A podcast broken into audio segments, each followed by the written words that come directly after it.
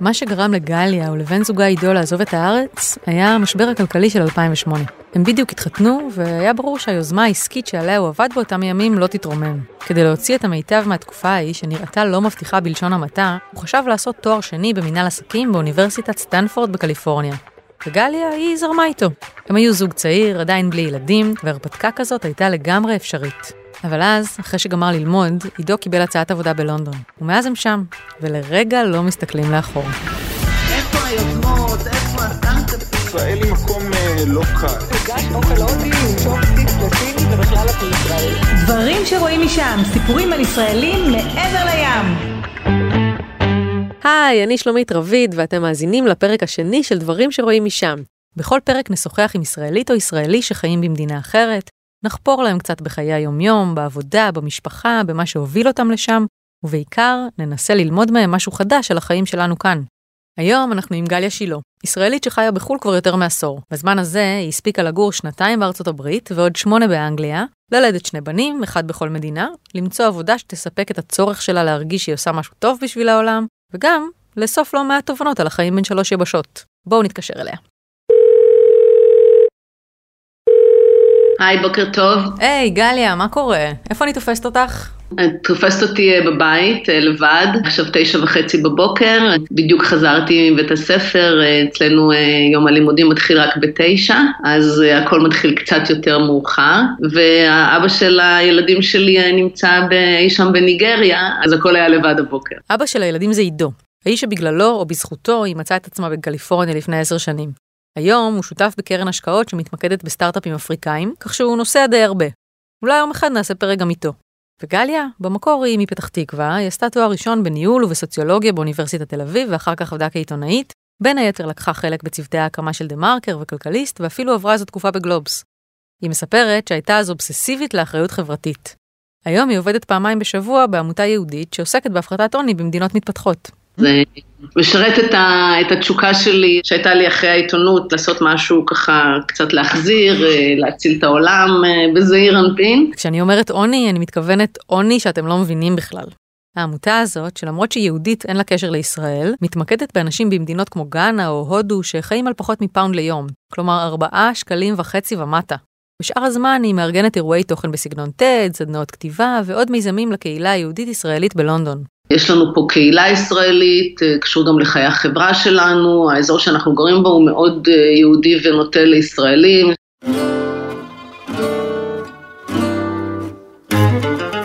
הכל מסביב לחיים של גליה מאוד ישראלי ויהודי, אבל הילדים שלה נולדו בארצות הברית ובאנגליה. כלומר, בשתי מערכות בריאות שלא יכלו להיות רחוקות יותר זו מזו, מכל בחינה. תגידי, כמה שנה הייתה החוויה? שמיים וארץ. הבן הבכור של האביב, היום כבר בן תשע, ונולד בארצות הברית. ממלכת הרפואה הפרטית, המדינה שבה הבריאות היא ביזנס לכל דבר. תראי, בארצות הברית מערכת הבריאות הציבורית לא רלוונטית. אתה בא ומיד אה, הכל קורה דרך אה, מערכת בריאות פרטית, ואז כמו שאומרים אמריקה, הכל מאוד מסודר, מאוד נעים, מאוד ברמה הכי גבוהה. אני ראיתי רופא כל שישה שבועות לפי דעתי, הבדיקות חוזרות אה, צ'יק צ'אק, והמערכת מאוד מסודרת, כולל הלידה עצמה שנעשתה בבית חולים אה, של סטנפורד, שזה אחד מהבתי חולים הטובים שיש. הייתה תחושה ש... שאני באמת בידיים הטובות ביותר. והלידה הזאת עוד התפתחה לניתוח קיסרי חירום, מה שהוביל לאשפוז של חמישה ימים. עם אה, אחות אה, שבאמת הייתה מוכנה לעשות הכל לפי קריאה, וזה הרגיש טוב, אני חייבת להגיד. עד כאן הכל מעולה. אבל בואו לא נשכח שכשבריאות זה עסק, כל ביקור הכי קטן אצל הרופא מגיע עם חשבונית של אלפי דולרים. הנה דוגמה שממחישה את הטירוף. בדיקת דם הראשונה, אני ממש זוכרת את זה, כי זה היה מין, אוקיי, מה זה? המספר הזה 4,400 דולר. על בדיקת אה, דם שמגלה אם את בהיריון. כן, ואחר כך אה, מי שפיר אה, היה 8,000 דולר. באמת, מספרים כאילו מישהו אמר, שנייה, איזה מספר בא לי לכתוב פה ארבע ספרות מעל 5,000? אוקיי, בוא נכתוב 8,000. וואי וואי, רק המחשבה על כמה עולה קיסרי חירום מפחידה אותי. האשפוז כל לילה היה 11,000 דולר. כל לילה. כל לילה. אה, והניתוח עצמו היה עוד 72 אלף דולר. כלומר, אם זה לא היה קיסרי חירום, אז ה-72 אלף דולר האלה לא היית צריכה לשלם אותם. לא. רגע, רגע, רגע. המספרים האלה באמת לא נורמליים. מי יכול לעמוד בזה?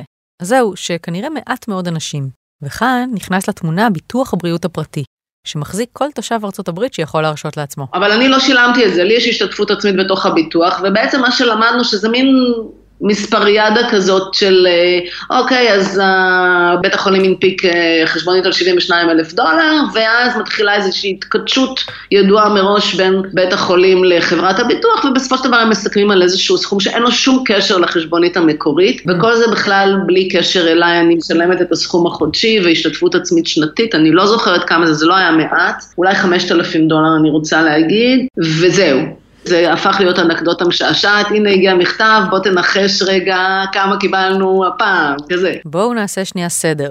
מה שקורה זה שהחשבונות של בית החולים מנופחים לסכומים מטורפים, כדי שתהיה להם נקודת פתיחה טובה יותר במשא ומתן מול חברות הביטוח הפרטיות. ולמספרים שנזרקים שם אין שום קשר לעלות האמיתית של הטיפולים, או לסכום שמשולם בסוף. המבוטחים משלמים מדי חודש, אצל גליה למשל זה היה בסביבות ה-200 או 300 דולר, והשתתפות עצמית שנתית שיכולה להגיע לעוד כמה אלפי דולרים. והיתר, הכסף הגדול באמת, הוא על חשבון חברת הביטוח. אבל מה עושה מי שאין לו כמה מאות דולרים בחודש? יש בתי חולים אחרים שאנשים הולכים אליהם בלי ביטוח, אבל הסטנדרטים הם מאוד מאוד שונים של הטיפול שאתה מקבל. זה לא שמי שאין לה ביטוח יולדת ברחוב. אוקיי, לפחות זה. ולפני שנעבור ללידה הבאה ולחוויה הבריטית, נקרא שנייה לרון, העורך שלנו, שיספר לנו קצת על ההבדלים בין מערכות הבריאות בשלוש המדינות. בכיף, בכיף שלומית. מערכת הבריאות האמריקאית היא ג'ונגל של חוקים ומספרים. אז תהיו איתנו רגע וננסה לצלוח אותו יחד. נתחיל מקצת סטטיסטיקה. ההוצאה הלאומית על בריאות בארצות הברית, כלומר הכסף שהממשלה והאזרחים מוציאים יחד, מגיעה ל-17% מהתמ"ג שלה. זה התוצר המקומי הגולמי. אגב, זה הנתון הכי גבוה בקרב המדינות המפותחות בפער משמעותי. בשביל הבנצ'מארק, ההוצאה בבריטניה מגיעה לכמעט 10% מהתמ"ג, ובישראל ל-7.5% בלבד. ואחת הסיבות לזה היא שבארצות הברית אין ביטוח רפואי אוניברסלי לכלל האוכלוסייה, כמו קופת חולים אצלנו. שם חלק מהגופים שמספקים את שירותי הבריאות הם פרטיים, והם עושים את זה למטרות רווח. כמו שאמרתי שלומית, ביזנס לכל דבר. גם גליה הזכירה נתון מעניין בהקשר הזה. בקליפורניה למשל, היה שם איזה שנה ש-33% מהלידות היו קיסרי אלקטיבי לגמרי, בלי שום קשר לשום בעיה, כי פשוט אה, בא להם לקבוע את היום וללכת לעשות ציפורניים רגע בבוקר ואחרי צהריים ללכת ללדת בלי שום כאב. וכשהביקוש כל כך גדול וקשיח, כי בסופו של דבר מדובר בשירותים שכולם צריכים כל הזמן, גם המחירים עולים בהתמדה. בהחלט, למשל לפי סקר של מכון גלופ מהשנה שעברה, 41% מהאמריקאים ויתרו על ביקור במיון בגלל החשש מהעלות. ומחקר של הרווארד מ-2010 הראה שהמקור ל-62% ממקרי פשיטות הרגל בארצות הברית הוא בהוצאות רפואיות. צריך גם להזכיר שהיום לרוב האמריקאים יש ביטוח בריאות דרך מקום העבודה, ובמסגרת רפורמת אובמה קר שקידם הנשיא הקודם ברק אובמה, נוצרו גם תוכניות ביטוח ממשלתיות חדשות שסוגרות את הפינה לנכים, זקנים, עניים, ילדים ויוצאי צבא. ועדיין, נכון לשנת 2017, לכמעט 9% מהאמריקאים, שזה יוצא בקטנה משהו כמו 28.5 מיליון אנשים, אין ביטוח רפואי בכלל. נתון שמעמיד את הכלכלה הגדולה בעולם באור בעייתי מאוד. ומה קורה בבריטניה? או, בבריטניה המצב די דומה למה שקורה אצלנו, את יודעת, בכל זאת היה פה מנדט בריטי. שירות הבריאות הלאומי, ה-NHS, מבטח את כל תושבי הממלכה. והגישה לשירותי בריאות היא בחינם ופתוחה לכולם. אבל, וזה אבל גדול, קצת כמו שקורה אצלנו, המערכת מתמודדת עם מחסור עצום בתקציבים, במיטות וברופאים. כך שהרבה אנשים שיכולים להרשות לעצמם בכל זאת מעדיפים לפנות למערכת הפרטית והיקרה. גליה, זה נכון? חד משמעית. בוא נגיד את זה ככה, אם יש איזושהי בעיה, אני אלך לרופא פרטי מיד, אני בכלל לא אעבור במערכת הציבורית. כשאביב היה בן שנה, ב-2011, גליה ועידו עברו ללונדון, שם הם גרים עד היום בפרבר שקט ומשפחתי. שנתיים אחר כך נולד נדב, היום הוא בן שש, וחוויית הלידה באנגליה הייתה כבר אחרת לגמרי. הייתה לי איזו אסוציאציה מאיזה סרט אנטיקה של מונטה פייתון, היא עומדת במטבח ושוטפת כלים, ונופל עוד ילד, ואז היא אומרת לאחד ה-80 ילדים האחרים שהיא ילדה קודם, pick him up will you, שלא צריך להפסיק לשטוף כלים.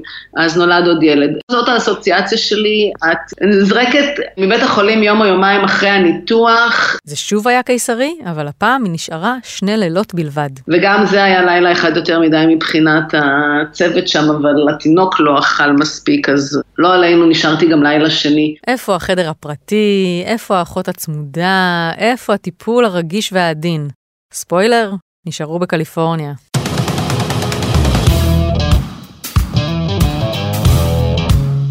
ישנתי בחדר של ארבע נשים עם וילונות שמפרידים בין זה. בשבילי זה היה מין downgrade נוראי. ילדתי בבוקר ואחרי הצהריים היא כבר ממש זרקה אותי מהמיטה ללכת להתקלח. אני זוכרת את זה לא, לא כיף. כן, לא נשמע כיף. לא, זה לא היה כיף בכלל. כל הזמן נותנים לך תחושה שאת, אה, שאת צריכה ללכת כבר בעצם. תופסת מקום של מישהי אחרת, ממש ככה. בגלל שזאת הייתה לידה בבית חולים אה, של האוניברסיטה, אז אה, חוץ ממני ומעידו, היו בחדר עוד עשרה אנשים בשלב כזה או אחר של תוכנית הלימודים שלהם ברפואה שנכחו בקיסרי שלי. ממש האנטומיה של גליה. נכון שהרבה מהדברים שהיא מספרת נשמעים מוכרים ליולדות הישראליות בחלק מבתי החולים, ובכלל לכל מי שמשתמש במערכת הבריאות כאן. החדרים הצפופים, הצוותים השחוקים, המחסור בתקציבים, אבל אם יש נקודת שוני אחת מובהקת, זה היחס הבסיסי לילודה וכמות ההיסטריה סביבה. בארץ המערכת בנויה לעידוד ילודה. המעקב צמוד ומספר הבדיקות שנעשה בשגרה הוא מהגבוהים בעולם. באנגליה המצב קצת שונה.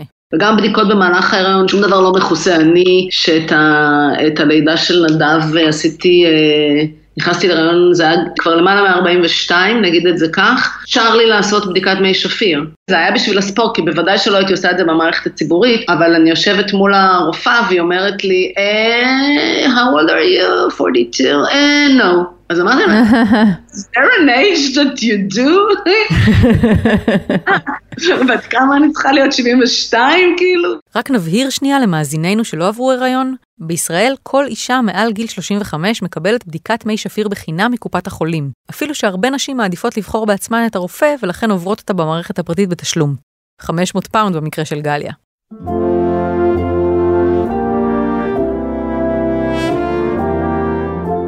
הסיפור של מערכת הבריאות הציבורית מול הפרטית הוא בבסיס שלו הסיפור המעמדי הכי פשוט וקלאסי.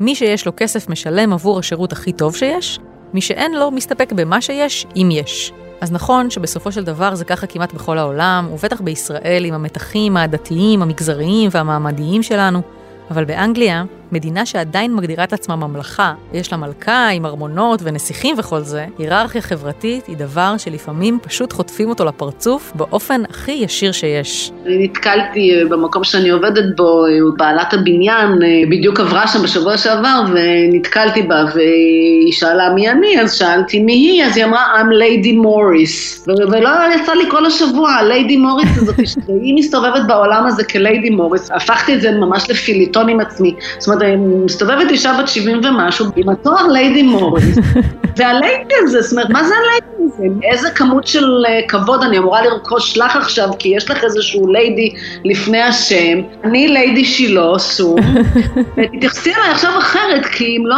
אם הייתי רק מיסיס שילה, סום, אז הסתכלות אחרת לגמרי. וכך החברה פה מתנהלת, זה פשוט דבר מדהים כשאתה בא מבחוץ.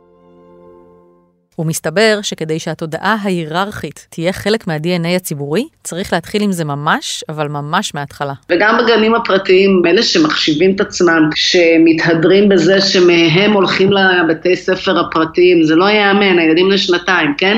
היינו כמה שנים עם, עם הילדים בגן, גן מהסוג הזה, שבאמת קיבלו חינוך פנטסטי, אני לא יכולה לקחת להם את זה, אבל על הלוח מודעות בכניסה שכתוב בכל ספטמבר כמה ילדים משנה שעברה נכנסו ולאיזה בתי ספר פרטיים, את יודעת, לצחוק או לבכות, כולל תלבושת אחידה מגיל שנתיים. התינוקות, כשהוא היה בשנה הראשונה, בן שנה וחצי, הוא לא היה צריך תלבושת אחידה, אבל כשעברנו לשנה של החדר של שנתיים, אז אמרו שעכשיו כבר צריך לקנות את התלבושת האחידה. ואז מגיע בית הספר. באנגליה עולים לכיתה א' כבר בגיל 4, ואפילו שהשנה הראשונה יותר דומה להכנה לבית ספר מאשר לשנת לימודים, הם עדיין באים בתלבושת אחידה, לומדים 6 וחצי שעות ומסיימים ב-3 וחצי, כולל ארוחת צהריים באדיבות מדינת הרווחה. וכאן מדובר על בית ספר ציבורי, לא על איזה מוסד פרטי מפונפן שהילדים של ליידי מוריס הולכים אליו. אז למה גליה ועידו בחרו לשלוח את הילדים למערכת הציבורית ולא לפרטית הנחשבת? ברור שיש שיקול כלכלי, כי החינוך הפרטי יקר בטירוף. סתם בשביל שתבינו על איזו סקאלה אנחנו מדברים, לפי הגרדיאן, בשנה שעברה הגיע שכר הלימוד הממוצע בבתי ספר פרטיים ל-17,000 פאונד. זה יותר מ-70 אלף שקל לשנה. ואם מדובר בפנימייה, אנחנו כבר מדברים על יותר מ-30 אלף פאונד, שזה קרוב ל-150 אלף שקל. החינוך הציבורי, אם תהיתם, הוא בחינם. אבל מבחינת גליה ועידו, זה ממש לא השיקול היחיד. אנחנו מאמינים, אה, ואני לא חושבת שזה רק אה, דיסוננס קוגניטיבי, ש... שאת הדברים החשובים לחיים הם יקבלו בבית ולא בבית הספר. אנחנו, חשוב לנו שחברתית יהיה להם טוב. וחוץ מזה, בתי הספר הפרטיים בדרך כלל מופרדים בין בנים לבנות לכל אורך הדרך. רובם רחוקים ומצריכים נסיעות ארוכות כל יום, וגם כמות החופשים בהם פשוט מטורפת. חשבתם שפה קשה עם כל החגים והחופש הגדול? חכו שתשמעו את גליה מספרת על החופשות בבתי הספר הציבוריים, ותזכרו שבפרטיים זה עוד יותר גרוע. החופשות פה זה סיוט שאין לתאר אותו בכלל. אני מדברת על אה, שלושה סמסטרים בשנה, שביניהם יש פעמיים אה, שבועיים וחצי, שאחד זה של החופשת Christmas, שאחר כך באפריל זה Easter, מה שאצלנו פסח אה, בדרך כלל באותו זמן, כשבכל term יש באמצע שהילדים בבית. קוראים לזה חופשת half term, זאת אומרת הם הולכים לבית ספר מספטמבר לחמישה שבועות, שבוע half term, עוד חמישה שבועות, שבועיים וחצי Christmas, חמישה שבועות, שבוע בבית, ככה כל השנה. אם לעשות סיכום זריז, אז אה, כולל החופש הגדול, שהוא קצת יותר קצר משלנו, מגיעים לכמעט 15 שבועות חופש בשנה, ובבתי הספר הפרטיים כאמור נותנים יותר. בארץ מדובר על משהו כמו 12 שבועות, שזה הבדל משמעותי. כאן צריך להזכיר שבאנגליה גם להורים יש הרבה יותר ימי חופש, מינימום 28 לעומת מינימום של 10 בלבד בישראל, אבל זה עדיין מאוד קשה. אבל איכשהו כל החופשים האלה לא מצליחים להוציא את הילדים מהמסגרת ולפגוע בכבוד לסמכות שמנחילים להם שם מהרגע הראשון. בכל זאת, היררכיה חברתית וכל זה. אז גליה מספרת למשל שאין לה, ומעולם לא היה לה מושג מהו שמם הפרטי של אף אחד מהמורים של הילדים שלה.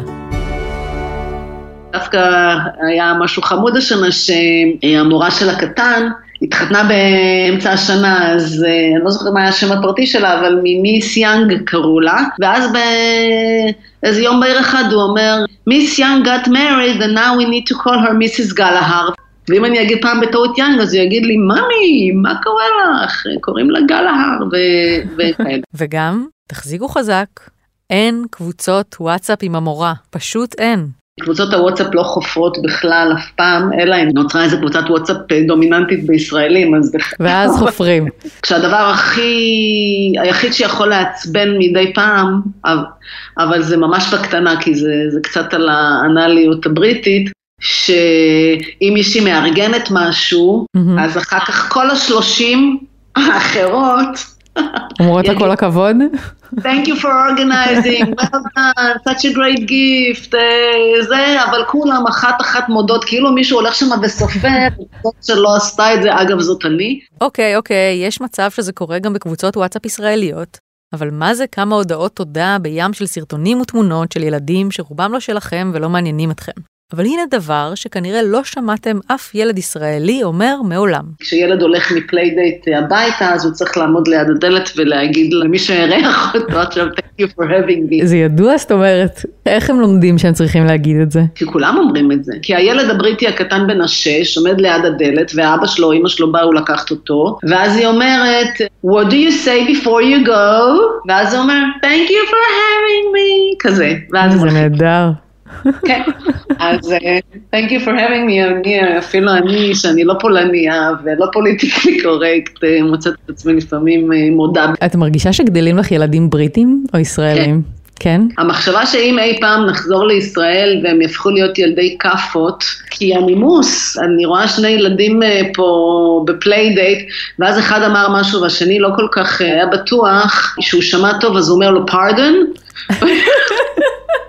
א', אני בכלל לא יודעת להגיד פארדון במבטא שלהם, כן, יש להם מבטא בריטי שזה, והם מתקנים לי את המבטא. What did you just say, ממי? הם ילדים מאוד מנומסים. היה לנו פה ושם אירועים בישראל, בגן שעשועים כזה, שהוא חזר בוכה והוא אמר, הילד הזה אמר לי, תעוף מפה.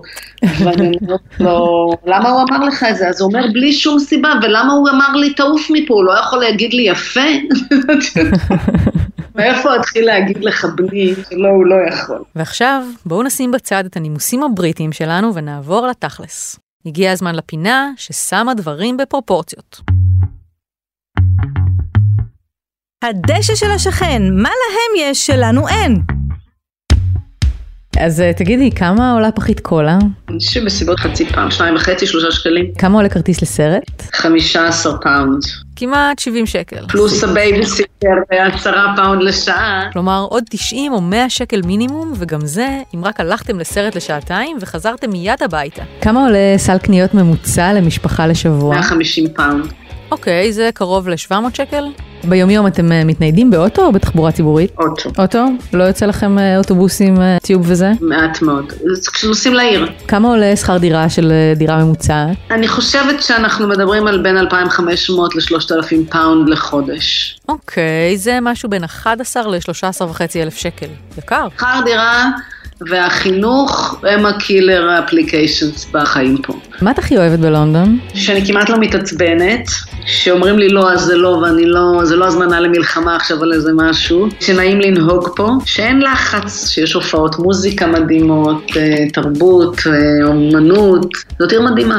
מה את הכי אה, פחות אוהבת בלונדון? אין, אני פשוט אוהבת את העיר הזאת, למה את הכי מתגעגעת בארץ? לים. ולמה את הכי לא מתגעגעת?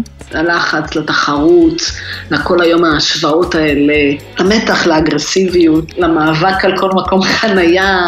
יש פה חיים מאוד מאוזנים, ואתה יכול לראות שלא כל דבר צריך להתעצבן, ורוב הדברים באמת לא חשובים, אבל בישראל זה הכל כל היום אגו בכביש, אגו בתחרות, זה קשה, זה מאוד מאוד קשה.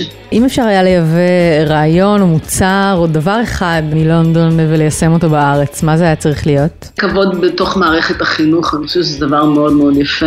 מה הדבר הכי מוזר שגילית על האנגלים מאז שאת גרה שם? אני חושבת שזה האנליות שלהם. מין דגש על תהליכים בלי להגיע לדבר עצמו, זה הורג אותי במקום עבודה למשל. כל היום צריכה להגיש את התוכניות השנתיות שלי ואת ה-personal goals שלי, והאם עשיתם risk assessment על האירוע, בואי נתכנן את האירוע, אני לא רוצה לדבר...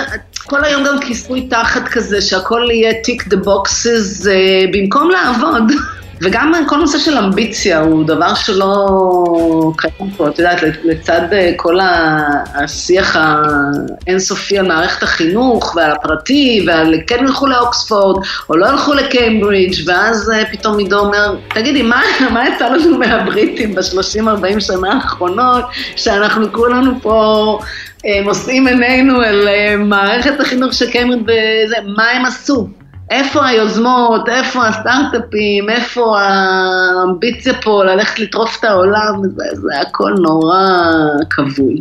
יכול להיות שזה בא יחד עם זה שהכל כל כך מסודר וכל כך מובנה וכל כך מנומס ואין לחץ. יכול להיות שזה שני צדדים של אותו דבר? כן, יכול להיות מאוד, אבל גם עושה להם הרבה מאוד שקט בחיים. מה ההמלצה הסודית הכי טובה שלך על לונדון? א', סיורים מודרכים. גם בעברית יש הרבה, mm-hmm. יש להם סיור נגיד סודי כזה של על הטיוב, אז עוברים בכל מיני סיפורים מאחורי הקלעים ומאוד מאוד מגניב. מקום אחד חמוד שאנחנו מאוד אוהבים ללכת. ללכת אליו, הוא נקרא The Vault, זה מקום שהוא מערכת מנהרות תת-קרקעיות שנמצאת מתחת לתחנת טיוב של ווטרלו, הוא הפך להיות מקום של תיאטרון פרינץ' ויש שם המון המון פסטיבלים ואירועים מאוד מאוד מאוד מגניבים. וואי, נשמע מהמם, אני רושמת לי לפעם הבאה שנגיע ללונדון. גליה, אז המון המון תודה. תודה רבה, בבקשה. תודה, ביי ביי. עד כאן עוד פרק של דברים שרואים משם. אנחנו מחכים לסיפורים ולתגובות שלכם באתר גלובס וברשתות, ואם אתם גרים בחו"ל ויש לכם סיפורים מעניינים, אתם מוזמנים לכתוב לנו למייל דברים את גלובס.co.il. אם נהניתם, שילחו לינק לחברות וחברים, ועקבו אחרינו באפליקציות כדי שנעדכן אתכם כשיוצא הפרק הבא. תודה לליידי גליה שילה, לעורך הפודקאסטים רון טוביה ולניב בן אלי על הסאונד. אני שלומית רביד, ניפגש בפעם הבאה. ביי.